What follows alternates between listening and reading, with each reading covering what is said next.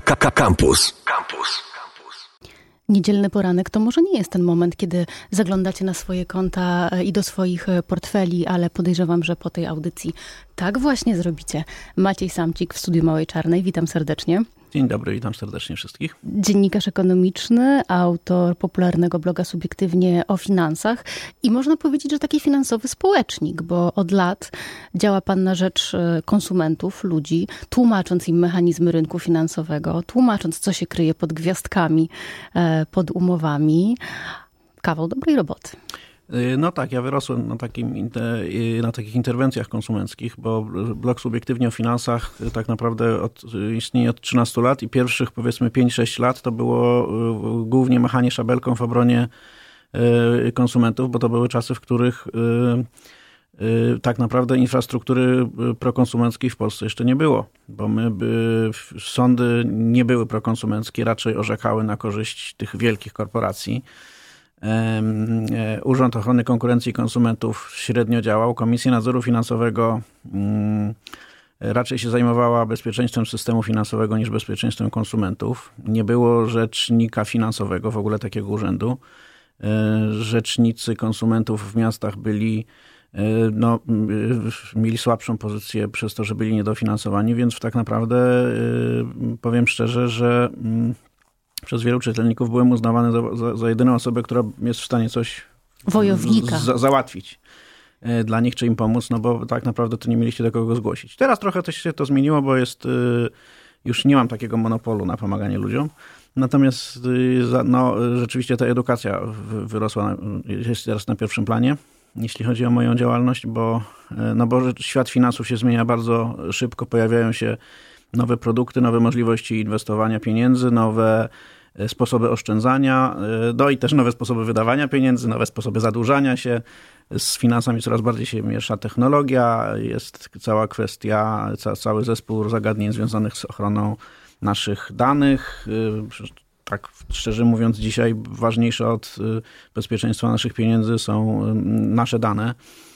No i, y, i, i, i, to sprawia, że tych zagadnień takich stricte edukacyjnych jest y, coraz więcej, a, y, ale chociaż interwencje też cały czas podejmujemy i już teraz nie działam sam, tylko mam zespół, cały, cały zespół ludzi sześcioosobowy, który mniej więcej 30-40% naszego wspólnego czasu pracy to są interwencje, a, a pewnie 60% edukacja.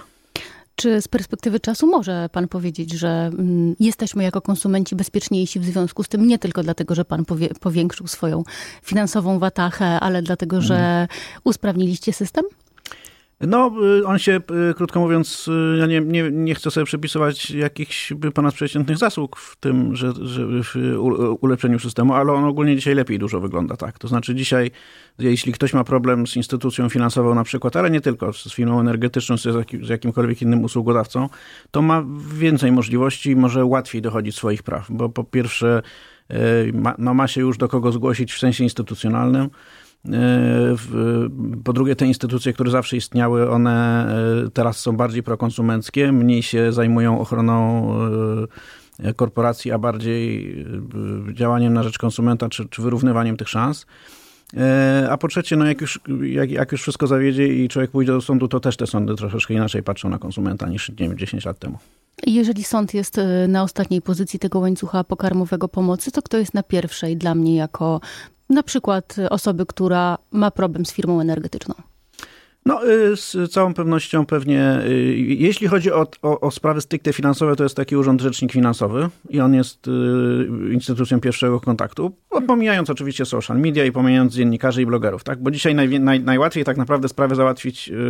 Upubliczniając ją. Upubliczniając ją, tak, bo to jest, to, to jest taka metoda, która jeśli obwinionemu zależy na reputacji, to będzie mu też zależało na tym, żeby jakoś e, e, pomóc. No i, i więc no, jeśli chodzi o sprawy finansowe, no to pomijając social media i, i dziennikarzy i blogerów, no to to jest rzecznik finansowy. Jeśli chodzi o właśnie firmy energetyczne, o których pani wspomniała, lub też innego rodzaju usługodawców, no to są rzecznicy konsumentów w każdym mieście i tam warto się zgłosić poradę. Mm. No i tak, i to jest chyba ta pierwsza linia, bym powiedział. Od wczoraj możemy podróżować po Polsce prawie, że tak swobodnie. Może za chwilę będziemy mogli e, podróżować swobodnie po świecie bliższym e, i dalszym. To co, kupować bilet teraz czy czekać? No, ja nie jestem wybitnym specjalistą od kupowania biletów turystycznych, natomiast czy na lotniczych, czy na, czy, czy powiedzmy wycieczek. Natomiast rozmawiałem w, kilka dni temu w ramach podcastu Finansowe Sensacje Tygodnia z, mm, z Mariuszem Piotrowskim, który w serwisie Fly for Free w tym bardzo mocno się tym interesuje. On mówi, żeby raczej nie czekać, bo Y, bo raczej y, taniej być nie powinno, natomiast sytuacja się powoli stabilizuje i wyjąwszy takie no, ryzyko, że nas fizycznie złapie jakaś znaczy COVID lub też konieczność przebywania na kwarantannie, bo ktoś, kto z nami mieszka, złapie, no to, to sytuacja w branży turystycznej raczej się stabilizuje. To znaczy, Mm, nie, e, nie ma e, takiego ryzyka, żeby e, kraje nagle się musiały zamykać, tak jak w zeszłym roku, żebyśmy pieniądze, które wpłacimy na nie wiem, bilet lotniczy czy na wycieczkę, żeby one no, nam nie, nie tyle przepadły, co zostały na bardzo długo zablokowane. Takich brewerii raczej w tym roku być już nie powinno. No to jest też kwestia szczepienia, bo, bo oczywiście w miarę swobodne podróżowanie będzie w tym roku dotyczyło ludzi zaszczepionych albo mających test. Testowanie jest drogie, komercyjne. No jeśli y, chciałoby się w kilka osób pojechać i jedna osoba miałaby to finansować, na przykład jeśli mówimy o jakiejś rodzinie z dziećmi, no to to jest kilka tysięcy, no może przesadziłem, ale pewnie z 1500 zł się płaci za taki komplet testów e, covidowych. Więc, y, więc powiedzmy, że to jest taka, jakaś taka bariera, jeśli chodzi o podróżowanie za granicą. Natomiast jeśli e, Dostaniemy paszport Jeśli dostanie ten paszport, tak, ten covidowy paszport, no to wtedy, y, y, jak sądzę, żadnych przeciw, znaczy żadnych takich problemów jak w zeszłym roku być nie powinno. No, wiem, że ludzie mają problemy, bo na przykład się pozapisywali na te szczepionki jednodawkowe i potem się okazało, że im termin spadł, potem im to zamienili na szczepionki dwudawkowe, tak, w tych dwudawkowych niektóre mają bardzo dużą przerwę między pierwszą a drugą dawką, nawet kilkanaście tygodni, więc, mm, e, więc jakby no tutaj jest pewne ryzyko. Tak? No, jeśli ktoś nie ma gwarancji, że będzie zaszczepiony, w, ja bym, no, e, jeśli chodzi o czerwiec, to bym był ostrożny, jeśli chodzi o, o wykupywanie podróży e, bo no, chyba, że oczywiście nam nie żal tych pieniędzy, które wydamy na testy w razie czego, gdybyśmy się nie zdążyli zaszczepić. Natomiast lipiec, sierpień wydaje mi się, że są już w miarę bezpieczne. Większości krajów, y, przygniatającej większości krajów zapewne nie będzie jakichś bardzo dojmujących y, restrykcji, a na pewno nie będą one dotyczyć osób, które mają, będą miały ten paszport covidowy. Czy to będzie cyfrowy, czy w papierze, to już wszystko jedno, ale chodzi o to, żebyśmy mieli certyfikat, że jesteśmy zaszczepieni. E, Czyli nie musimy się bać. Y, nie. Firmy turystyczne w Polsce za nie przesadziły w tym roku, y, jeśli chodzi o zamówienia miejsc, bo y, nie wiem na ile Państwo się orientujecie, biuro podróży musi mniej więcej w styczniu, lutym już rezerwować i hotele, i bilety lotnicze, żeby potem je sprzedawać latem swoim klientom. Więc y, E, z tego co wiem, turoperatorzy w tym roku tych biletów e, i tych miejsc tak bardzo dużo nie zamówili, bo oni się spodziewają, że my jednak w większości czy w dużej części będziemy wypoczywać lokalnie. w Polsce, lokalnie.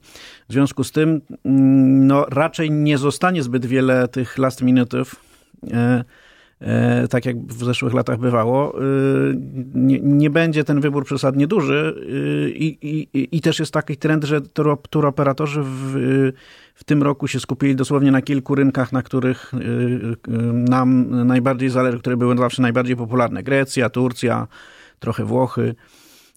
Więc na przykład jeśli lubimy Portugalię, no to w, w, tym roku tych wycieczek do Portugalii będzie znacznie mniej niż przed COVID-em, bo, bo firmy turystyczne się skupiły po prostu na kilku najpewniejszych rynkach i głównie tam rezerwowały mm, czy wykupywały te pakiety miejsc w samolotach i, i, w, i w hotelach.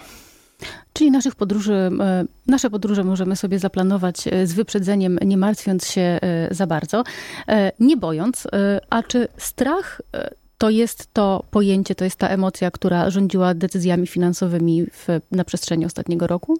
Myślę, że w dużej części tak, bo jeśli nie wydawaliśmy pieniędzy, mm, wydawaliśmy znacznie mniej pieniędzy, rosły nam tak globalnie bardzo mocno oszczędności, taki, taki wskaźnik stopa oszczędzania, pokazujący jaką część naszych domowych budżetów no, oszczędzaliśmy, czyli przeznaczaliśmy na zaskórniaki, to wzrosło z 2 do 14%. Zaczęliśmy oszczędzać. A czy tak. zaczęliśmy wydawać więcej też jednocześnie? Yy, nie, ponieważ yy, nie mieliśmy na co wydawać. No online na przykład. No tak, online tak. O, online więcej kupowaliśmy, tak. To znaczy na pewno wzrosły y, zakupy w, y, spożywcze, bo jeśli się więcej siedzi w domu, to, to też się więcej kupuje rzeczy do jedzenia. Natomiast e, i w tej części, jeśli, jeśli mówimy zarówno o części spożywczej, jak i o te, nie wiem, wyposażenie domu, meble, tak, e, Czym się elektronika, zająć? no to pewnie to, to, to, tak, to takie dane są, że ten e-commerce w Polsce urósł chyba o, o 30%, o ile pamiętam, podczas gdy normalnie rocznie rósł o 7-8%. Więc, więc tak, ale jeśli tak ogólnie spojrzymy na to, y, na, na to, ile pieniędzy wydawaliśmy, to, no to wydawaliśmy mniej, no bo od, od, odpadły w większości podróże, odpadły wypady Jedzenie do restauracji. Jedzenie na mieście, tak, to, to jest duża część budżetów, przynajmniej mieszczuchów, tak, w dużych miastach.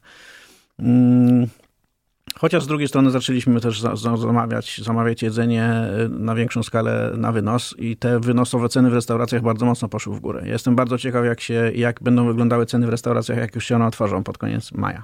No, za chwilę no, no. się przekonamy. Ogródki 15, restauracje zdaje się dla gości wszystkich 20. Podobno wszystko jest porezerwowane. Już porezerwowane.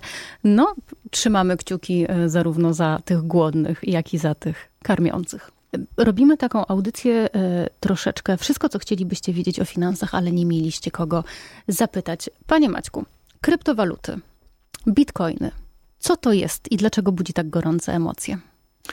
No, y, to jest y, najprościej powiedzieć mm, banknot, tylko schowany w smartfonie. To znaczy, kryptowaluta to jest y, pieniądz, który ma właściwie wszystkie te same cechy, które ma banknot, czyli wszystkie zabezpieczenia, tylko że one są kryptograficzne, a nie są y, nadane y, i nadrukowane na papierze. E, tak naprawdę mm, pieniądz mm, cyfrowy, czyli na przykład bitcoin, ale też inne kryptowaluty, tym różni się od pieniądza tego, który tradycyjnego, czyli dolarów, euro, złotych, które występują w formie elektronicznej lub też w formie mm, papierowej, że y, nie ma centralnej instytucji, która decyduje o tym, ile y, tych pieniędzy może być y, wyemitowanych, tylko jest to z góry określone przez no, jakby de facto konstrukcję danej kryptowaluty.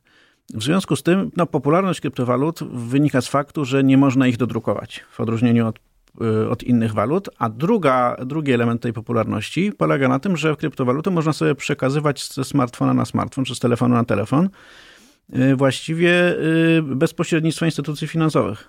To znaczy, bo jeśli chcę wykonać przelew, to muszę się zalogować do mojego banku, zlecić tam przelew i ten bank przekaże to drugiemu bankowi i ten drugi bank zaksięguje to na moim koncie, tak? A jak chcę przelew, jak chcę zrobić przelew do Australii, to jest to polski bank, musi y, prosić bank niemiecki o pośrednictwo, który prosi bank brytyjski o pośrednictwo, który prosi bank w Australii o pośrednictwo, który to bank w Australii księguje te pieniądze na koncie odbiorcy. I, te, I każdy z tych banków bierze ode mnie kilkadziesiąt złotych za pośrednictwo i ten przelew kosztuje y, no, y, y, nie wiem, na przykład 200 albo 250 zł, tak?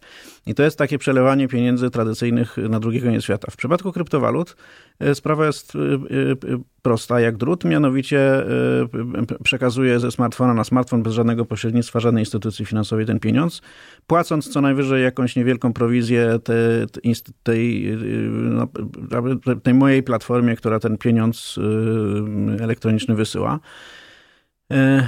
Kto no. tworzy no. bitcoiny? Kto je emituje? No bo jeżeli mówimy o pieniądzach, no to u nas mamy, no nie wiem, nice, wytwórnie papierów wartościowych. Tak.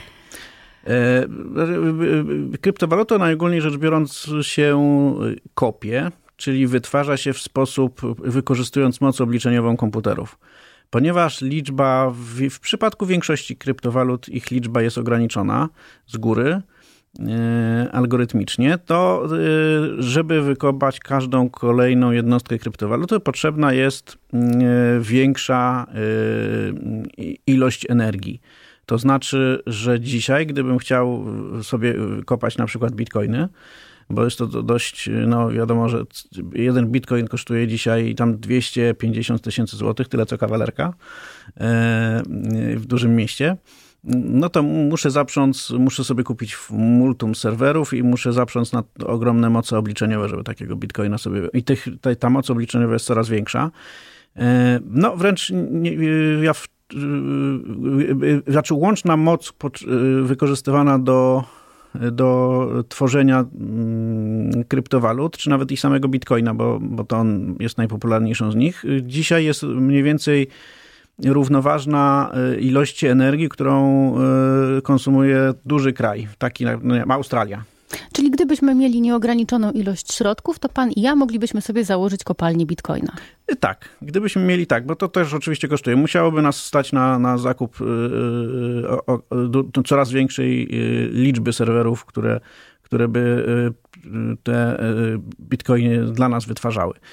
No, i, I, no jest pewien problem wynikający z faktu, że to pochłania coraz więcej energii.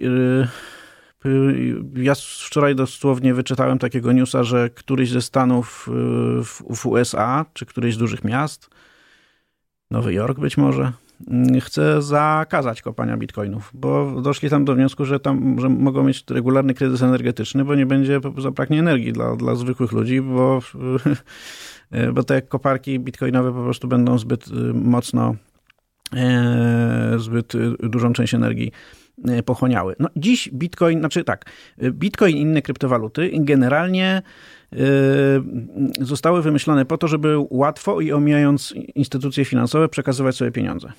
Natomiast dzisiaj są wykorzystywane w bardzo dużej części po prostu jako inwestycja. No inwestycja z mojego punktu widzenia trochę w cudzysłowie, bo, bo jeśli ja inwestuję w coś pieniądze, to ja inwestuję w coś, co, czego wartość taką prawdziwą yy, jestem w stanie sobie oszacować. Nie wiem, jeśli kupuję akcje jakiejś firmy, na McDonald'sa, tak, no to wiadomo, że na rynku te akcje kosztują raz więcej, raz mniej, ale one Y, jakby ich wartość wynika z faktu, że ten McDonald's ma markę, ma klientów, ma przychody, x ludzi te kanapki tam pochłania, płaci, potem ten McDonald's swoim akcjonariuszem, akcjonariuszom, w tym na przykład mi, może wypłacać dywidendę. I ta dywidenda jest przeważnie wyższa niż oprocentowanie depozytu bankowego. W dzisiejszych czasach, kiedy to bank właściwie w ogóle nie płaci, to jest to na 100% jest wyższe. W związku z tym nawet gdyby ten, ten McDonald's pewnie raz będzie więcej zarabiał, raz mniej, jego akcje będą warte raz więcej, a, a, a raz mniej, ale to zawsze będzie wypłacało tę dywidendę. W związku z tym zawsze będzie miało wartość. Bitcoiny i inne kryptowaluty mają e, tę, tym się różnią od e, innych aktywów, w które ludzie inwestują pieniądze, że no one nie mają tej wartości wewnętrznej. To nie, tam nikt to nie zarabia pieniędzy, to nie ma przychodów, to nie wypłaca dywidendy, to nie zatrudnia pracowników. Więc to jak po... możemy to spieniężyć? No, znaczy, generalnie popularność, y, inaczej, wysoka, to, że, to, że za kryptowaluty płaci się coraz więcej, wynika z faktu, że ich liczba jest ograniczona, że one są podzielne. To, to znaczy tak, jeśli chcę kupić sobie samochód. Yy, luksusowy samochód kolekcjonerski. I to on, nie wiem, no mogę zapłacić za niego mm, milion dolarów, mogę trzy miliony, ale nie zapłacę za niego bilion dolarów. Mhm. Bo nie jestem, bo, bo, bo po prostu gołym okiem widać, że, że on nie ma takiej wartości. Natomiast jaką wartość ma kryptowaluta, tego nikt nie wie. W związku z tym można za nią zapłacić dowolną cenę. Jeśli ta cena będzie zbyt wysoka, to można tę kryptowalutę podzielić na dużo mniejsze kawałki. I odsprzedać. I odsprzedać, tak. No, no generalnie jest problem z oceną, ile, ten, ile kryptowaluta jest e, naprawdę warta. No, ale w zasadzie jest warta tyle. E, znaczy, jej wartość zależy od mody. To znaczy, im więcej ludzi chce ją mieć, tym więcej, e, tym więcej ona kosztuje. Czyli Natomiast... to nie będzie tak jak y, z DVD, że jak weszły DVD na rynek, to kosztowały 2000, a po trzech latach czy po pięciu latach kosztowały 200 zł, a, a potem w ogóle wyszły z obiegu. Czyli nie sądzi pan, że za 10 lat kryptowaluta będziemy się zastanawiać, płacąc y, za kawę w automacie, czy zapłacić bitcoinem, czy zapłacić y, gotówką, czy też kartą? Co do bitcoina, to nie jestem tego pewny. No bo jeśli chciałbym za coś płacić, czymś płacić za kawę, to chciałbym, żeby cena tej kawy była przewidywalna. To znaczy, żebym ja, no nie, żeby nie było tak, że dzisiaj za tę kawę płacę 2 zł, a no, no, nie, no 12 zł, a jutro 24, tak? Natomiast w przypadku y, takiej kryptowaluty, jaką jest Bitcoin, której cena jest bardzo niestabilna, może się okazać, że e, jeśli chcesz dzisiaj zapłacić za bułki bitcoinem, to te bułki mnie kosztują, nie wiem, 5 zł, a jutro 7,50. Żeby czymś płacić, to kurs tego czegoś musi być, e, musi być jakiś, no przynajmniej stabilny, tak? W przypadku bitcoina tego nie ma, więc nie sądzę, żebyśmy bitcoinem płacili. Natomiast z kryptowalutami być może będziemy płacili. Tym bardziej, że duża część naszych aktywności to są aktywności w internecie. Jeśli y, mamy, nie wiem, setki milionów fanów gier komputerowych na świecie i ci fani gier komputerowych y, y, budują światy w tych grach i te rzeczy, które te światy mają pewną wartość dla tych ludzi, no to przecież nie ma najmniejszego problemu, żeby elementy tych światów były przedmiotem obrotu i zresztą są. Są przecież przedmioty w grach internetowych, które zmieniają właściciela w cenach y, gigantycznych.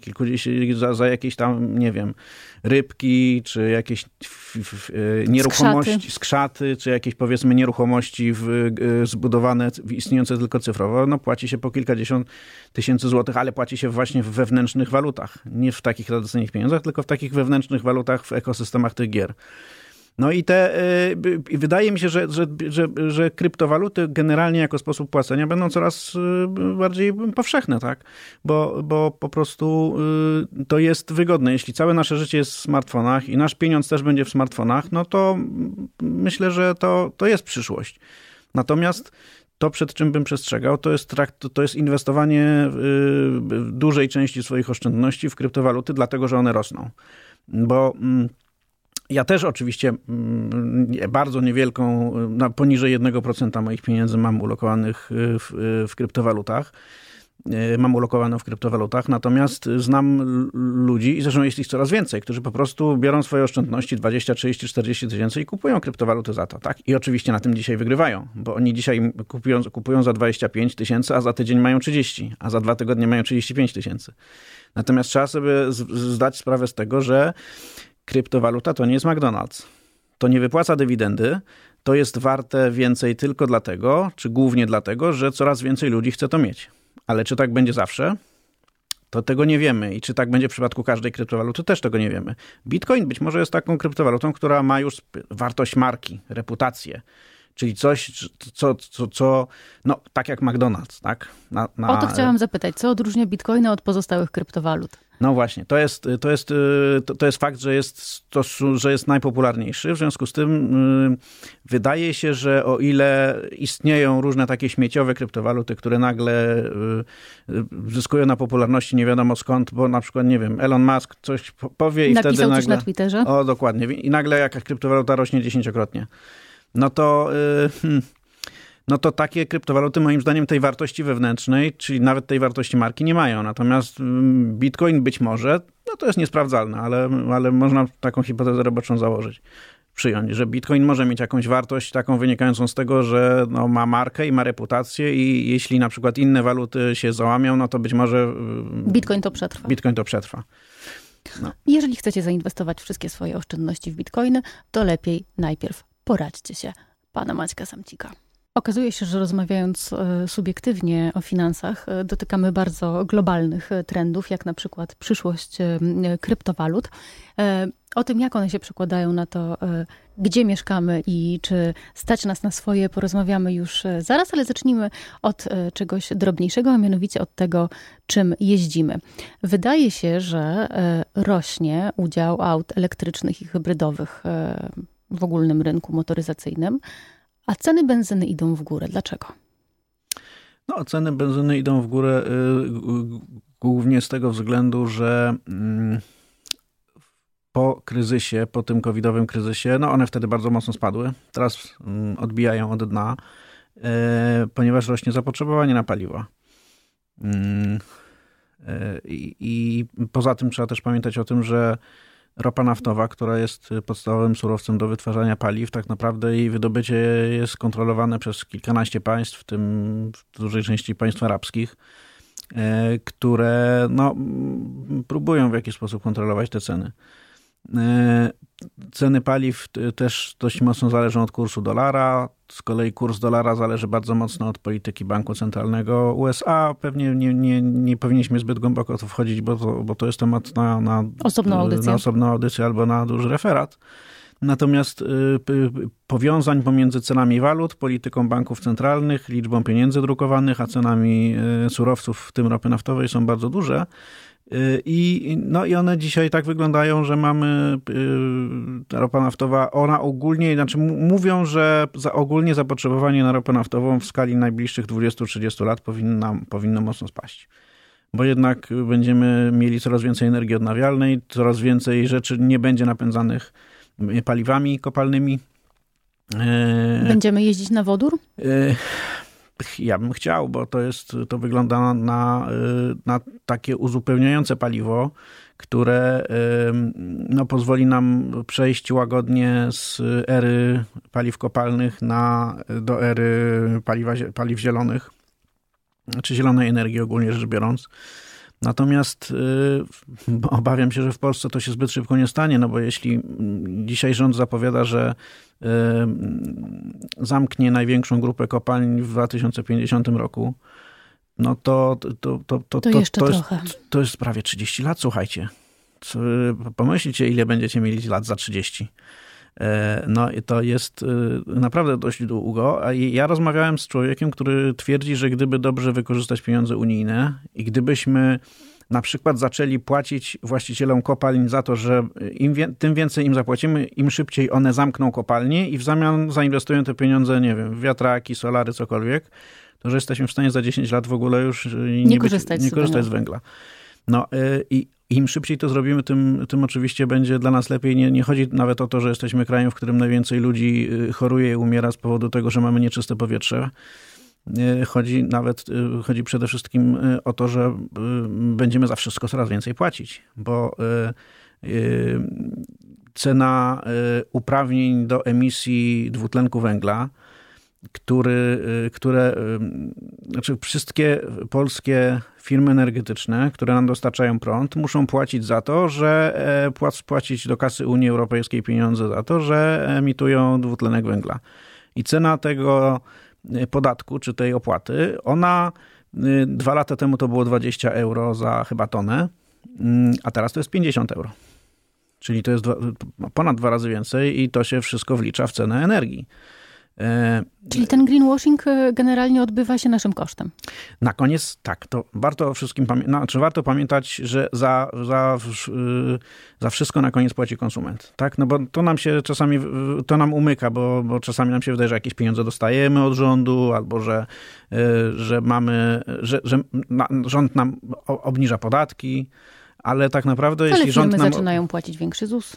No tak, albo na przykład firmy z różnych branż płacą, jest podatek handlowy, jest podatek bankowy, tak? Jeśli ktoś widzi na swoim koncie, że mu płacą za odsetki od depozytu 0,0001 i mu się wydaje, że to, że to jest Zarabia. wina banku, że, no, że, że zarabia, to mu się chyba nie wydaje, ale chociaż są i tacy. E, natomiast e, jemu, jemu, i mu się wydaje, że to jest wyłącznie wina banku, no to też powinien pamiętać, że ten bank płaci podatek e, bankowy i gdyby go nie płacił, to, to oczywiście rząd miałby mniej pieniędzy do rozdawania, ale z drugiej strony być może te odsetki byłyby wyższe. To samo działa, jeśli chodzi o, mamy podatek handlowy, mamy podatek energetyczny wliczony w ceny w cenę energii. Oczywiście są mnóstwo podatków w cenie paliwa jest, więc ogólnie niestety warto pamiętać o tym, że, że za wszelkie błędy, niedociągnięcia ludzi, którzy nami rządzą, na koniec no, my płacimy. I, i, i to, że, że jesteśmy najbardziej jednym z najbardziej uzależnionych od węgla krajów w Europie, za to też niestety zapłacimy. To będzie po pierwsze cena życia, bo jeszcze przez kilkanaście lat Będziemy po kilkanaście tysięcy ludzi najmarniej, jak nie kilkadziesiąt rocznie będzie umierać. No to tyle co na COVID. Z powodu tego, że oddychamy brudnym powietrzem. No, no, a po drugie, po prostu ceny wszystkiego będą rosły znacznie szybciej. No, jeśli my mamy inflację 4,5%, a wszyscy inni, a, a, oni też przecież, im też rosną ceny paliwa, y, mają po 2%, no to to jest ta różnica. I właśnie o paliwo chciałam jeszcze zapytać. Mamy w Polsce stacje polskie, takie nasze narodowe, mhm. no ale mamy też zagraniczne koncerny. E, do kogo należy benzyna w Polsce? Y, około 85, chyba z 90% y, paliwa w Polsce, wszystkie stacje benzynowe, niezależnie od tego, jakie mają logo, kupują od y, Orlenu, czyli od, od, od największej polskiej rafinerii. A ona z kolei ropę naftową do wytwarzania te, tego paliwa kupuje głównie w Rosji. Więc jakby niezależnie od tego, gdzie tankujemy, to tak naprawdę no, to, to co tankujemy do samochodów, to jest w, w bardzo dużej części nie zawsze, tak? I nie w 100% oczywiście, bo, e, bo też i, i ropa płynie do nas z Norwegii, trochę z, od, z Arabii Saudyjskiej, e, trochę też z, no, do, z kontenerowcami z, ze Stanów Zjednoczonych, ale jednak w większości to jest e, ropa rosyjska. Mm, no i też oczywiście jest tak, że ponieważ każdy wielki koncern zagraniczny ma oczywiście swoje rafinerie, czy prawie każdy, ale chyba, chyba każdy, tylko, że te rafinerie są no, dość daleko od Polski przeważnie. Więc jakby wożenie tej ropy naftowej do Polski po to, żeby ją tu przerabiać i potem ją sprzedawać i mieć swoją, swoją benzynę do swojej ropy, nafto, ropy naftowej po prostu się nie opłaca. Więc więc generalnie większość koncernów zagranicznych operujących w Polsce i sprzedających nam paliwo po prostu przychodzi do Orlenu i mówi, słuchajcie, wy tu macie na miejscu rafinerię, no nam sprzedajcie. Sprzedajcie nam w hurcie, czyli sprzedajcie nam bardzo dużo ton tego y, paliwa, więc sprzedaj, sprzedajcie nam trochę taniej, a my sobie do tego doliczymy kilkanaście groszy marży i będziemy sprzedawać na tych swoich stacjach. No i generalnie, jak tak jeżdżę po kraju i porównuję ceny paliw, to te zagraniczne stacje przeważnie są tańsze niż Orlen. Oby nie tankować na autostradzie. No wiemy już, że chcielibyśmy pojeździć trochę bardziej e, ekologicznie, tankować e, trochę e, taniej, no i zaparkować może pod własnym domem albo gdzieś na parkingu pod swoim mieszkaniem. No i nie jest to takie proste.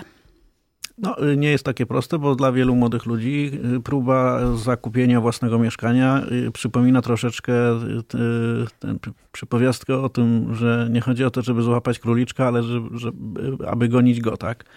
Bo te mieszkania są coraz droższe, wkład własny, który trzeba zgromadzić jest coraz większy, żeby chociażby wziąć kredyt mieszkaniowy, już nie mówiąc o zakupie na, za gotówkę.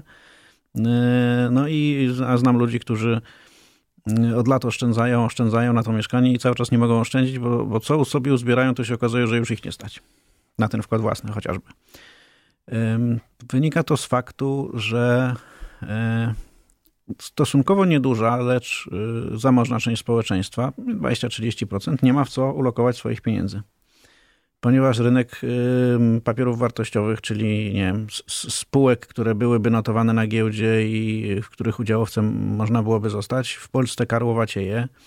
Nie ma też rynku obligacji emitowanych przez firmy, tak zwanych obligacji korporacyjnych. E, znaczy jest, ale też skarbowaciały, e, którym można byłoby pożyczać pieniądze na jakiś procent sensowny. Stopy procentowe spadły do zera, więc w banku też się nie zarabia. E, oczywiście można zainwestować w funduszu inwestycyjnym, który, który, który ulokuje te pieniądze na całym świecie, czy wybrać któryś z instrumentów finansowych, na przykład tak zwane ETF-y, które też pozwalają inwestować na całym świecie, ale jest to dość niszowe zajęcie i niewiele osób się na tym zna. Natomiast to, na czym się znamy, to są nieruchomości. W związku z tym, jeśli dzisiaj yy, yy, mamy na kontach bankowych 1 bilion złotych, i ten 1 bilion złotych jest oprocentowany na zero. I znaczna część ludzi, którzy mają ten bilion złotych, jest wkurzona tym, że dostaje zero. I się zastanawia, w co oni mogą zainwestować pieniądze. I tych wszystkich rzeczy, o których powiedziałem przed chwilą, to w zasadzie w Polsce nie ma, albo prawie nie ma, albo się na nich nie znają. To jedyny pomysł, który im przychodzi do głowy, to kupić mieszkanie jako inwestycję. Przy inflacji, która wynosi teraz ponad 4% rocznie, mm, e, wartość pieniądza, który jest w banku, za 10 lat, jeśli mam, jeśli mam dzisiaj 10 tysięcy w banku, to za 10 lat, przy tej inflacji, którą mamy teraz, te pieniądze będą warte tyle co 6 tysięcy.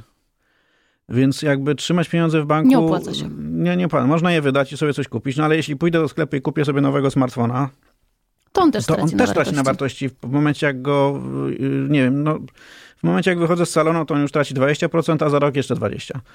Więc y, mam do wyboru albo trzymać pieniądze w banku i tracić 10, tam, nie wiem, 5% rocznie, kupić sobie coś za to i stracić znacznie więcej, albo gdzieś te pieniądze ulokować i jedynym pomysłem, jaki ludzie mają, to jest zakup nieruchomości.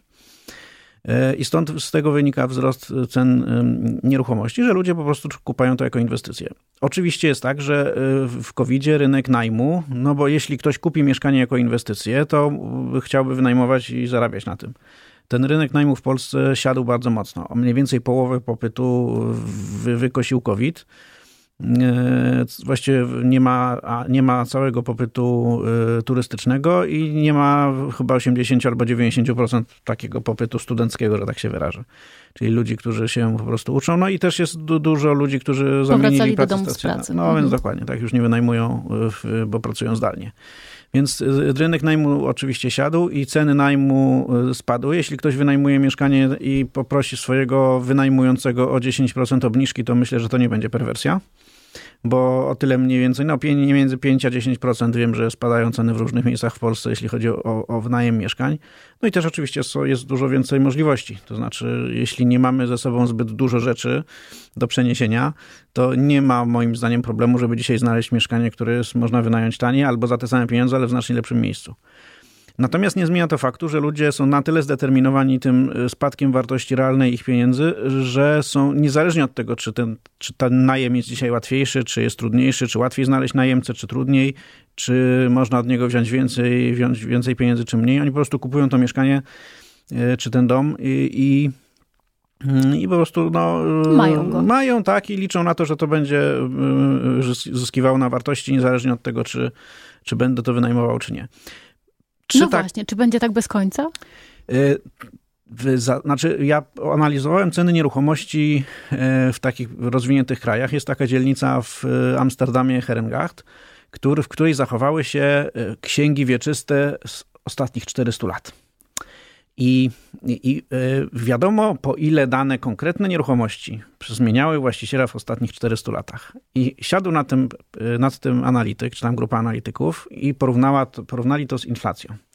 Czyli po, po, ile realnie te, te nieruchomości chodziły, że tak się wyrażę kolokwialnie. No i okazało się, że oczywiście że taka średnia 400-letnia to jest mniej więcej tyle, ile wynosi inflacja. Czyli po prostu wartość nieruchomości jest stała w czasie, jest warta, ta nieruchomość jest zwykle warta tyle, ile jest realnie warty pieniądz, w którym jest wyrażona jej cena. Y, oczywiście w tym czasie bywały takie tam okresy bardzo długie, nawet i po 50 lat, kiedy te ceny nieruchomości to było 150% y, inflacji, a były też takie, w których było tam poniżej. No i ale w tym bardzo długim okresie nieruchomości po prostu chronią przed inflacją. E, jest pewien problem, który polega na tym, że mm, utrzymanie nieruchomości kosztuje. E, trzeba ją czasami wyremontować, czasami posprzątać, zapłacić rachunki, zapłacić czynsz. E, poza tym ta cena nieruchomości, znaczy nieruchomość jest łatwo opodatkować. Jeśli komuś w Polsce przyjdzie, a przyjdzie na pewno, do głowy daje, do głowy podatek katastralny, który na w niektórych krajach on wynosi 0,5% wartości nieruchomości rocznie, w niektórych 3%. No i teraz wyobraźmy sobie inwestora, który kupił mieszkanie za pół miliona, e, chce je wynajmować, nie znalazł najemcę, musi płacić rachunki za to mieszkanie i jeszcze musi 3% rocznie oddawać podatku katastralnego no to mu się to nie opłaca. I wydaje mi się, że to, co może obniżyć ceny nieruchomości w Polsce, to jest wprowadzenie podatku katastralnego, bo wtedy wszyscy, którzy mają, on zwykle obowiązuje od drugiej, trzeciej, czwartej nieruchomości, czyli to, co mam jedno albo nawet dwa mieszkania mogę mieć. Mhm. Natomiast jak mam 3, 4, 5, 6, 7, to już płacę Rozumiem, podatek. Czyli to jest taki podatek od nadmiaru dobrobytu. Od nadmiaru dobrobytu, tak. I wtedy ludzie, którzy nie są, nie, nie kupili po to, żeby kupić i nie bardzo mają na to pomysł po prostu, żeby ulokować pieniądze, wtedy oni to wypuszczą na rynek. I wtedy dopiero będziemy mieli spadek cen nieruchomości. Natomiast dopóki mamy wysoką inflację yy, i nieruchomości są jedyną, jedynym, jedynym yy, aktywem, o którym ludzie myślą, żeby ulokować tam pieniądze, no to to, to nie ma prawa być yy, tańsze. To one muszą być coraz droższe. No i jakby cały dramat sytuacji polega na tym, że o ile średnia pensja w Polsce rośnie o tam te 6-7% rocznie, no to młodym ludziom tak nie rośnie a to młodzi ludzie potrzebują mieszkań. Czyli, i, czyli jeśli y, instytucje różne, nie wiem, NBP pod, pokazują wykresy, że przecież to, to, te mieszkania rosną wolniej niż, wzrost, niż średni wzrost pensji w Polsce, więc nas niby stać łatwiej na to mieszkanie, no to to jest bzdura, jeśli mówimy o grupie młodych ludzi, których najbardziej, którzy najbardziej tych mieszkań potrzebują. Ten sam mechanizm dotyczy mieszkań i domów? Tak, ten sam, a w Polsce jeszcze bardziej do, dotyczy domów, ponieważ w Polsce domów jest bardzo mało czy jest relatywnie y, mniej domów niż mieszkań, więc y, rynek domów, rozma jak rozmawiam z doradcami, pośrednikami nieruchomościowymi, to oni od kilku tygodni, czy od kilkunastu tygodni są kompletnie wysuszeni, nie mają czym handlować, bo wszystkie domy i nawet i mieszkania, które mieli, po prostu poszły po dowolnej cenie. A teraz oni po prostu nie, nie mają, nikt nie chce sprzedawać. Panie Maćku, to tak na koniec, bo niestety ta godzina to bardzo mało, żebyśmy opowiedzieli o wszystkim. Wyobraźmy sobie, że nasi słuchacze mają wolne 10 tysięcy złotych. Takie. Na swoje widzimisię. Co by pan zrobił z tymi 10 tysiącami? Ile mam czasu na odpowiedź? Dwie minuty to się nie da. E, bo e, e, wszystko zależy od tego, czy to są pierwsze ich pieniądze, czy też to jest, czy mają 100 tysięcy i to jest 10 kolejnych tysięcy. To wyobraźmy sobie, że to jest pierwsze 10 tysięcy. Jeśli to jest tak, okej, okay, pierwsze 10 tysięcy. I na jak długo trzeba je ulokować? Znaczy, kiedy one będą potrzebne? No, patrząc na niecierpliwość młodych ludzi, nie sądzę, żeby dłużej niż dwa lata. No to y, szczerze mówiąc, jedynym y, sensownym rozwiązaniem, które widzę, to są obligacje dwuletnie Skarbu Państwa, ale tu się da zarobić chyba 1% w skali roku, czy nawet i mniej chyba. E, ja swoje y, prywatne pieniądze lokuję w, w kilku miejscach, znaczy właściwie w kilkudziesięciu, czy no kilkudziesięciu nawet miejscach, tak, podzielonych na cztery różne klasy aktywów, ale ale to są pieniądze, których ja będę potrzebował za 20-30 lat najwcześniej. Jeśli mówimy o roku, dwóch, no to, to nie jest, tu nie ma w ogóle mowy o inwestowaniu pieniędzy. To znaczy po prostu można je y, przechować w banku, na koncie oszczędnościowym, w obligacjach skarbowych, czym być bezpiecznym. Nie no, sądziłam, że jednak powie pan coś innego, że mam te 10 tysięcy, włożę je gdzieś i po prostu za chwilę. O, nie, Bitcoin tam, to za, za, tydzień będzie 25, tak? Albo zero. Doskonale. Maciej Samcik, e, autor bloga Subiektywnie o finansach, ekspert finansowy, dziennikarz ekonomiczny. Serdeczne dzięki za tę godzinę i za tę Akademię Edukacji Finansowej. Dzięki wielkie. E, przyspieszoną e, ja, Gosia Kwiecień, żegnam się z wami, słyszę się za tydzień. E, Kuba Grądziel za konsoletą. Dziękujemy, do usłyszenia. Miłej niedzieli. Słuchaj Radio Campus, gdziekolwiek jesteś. Wejdź na www.radiocampus.fm.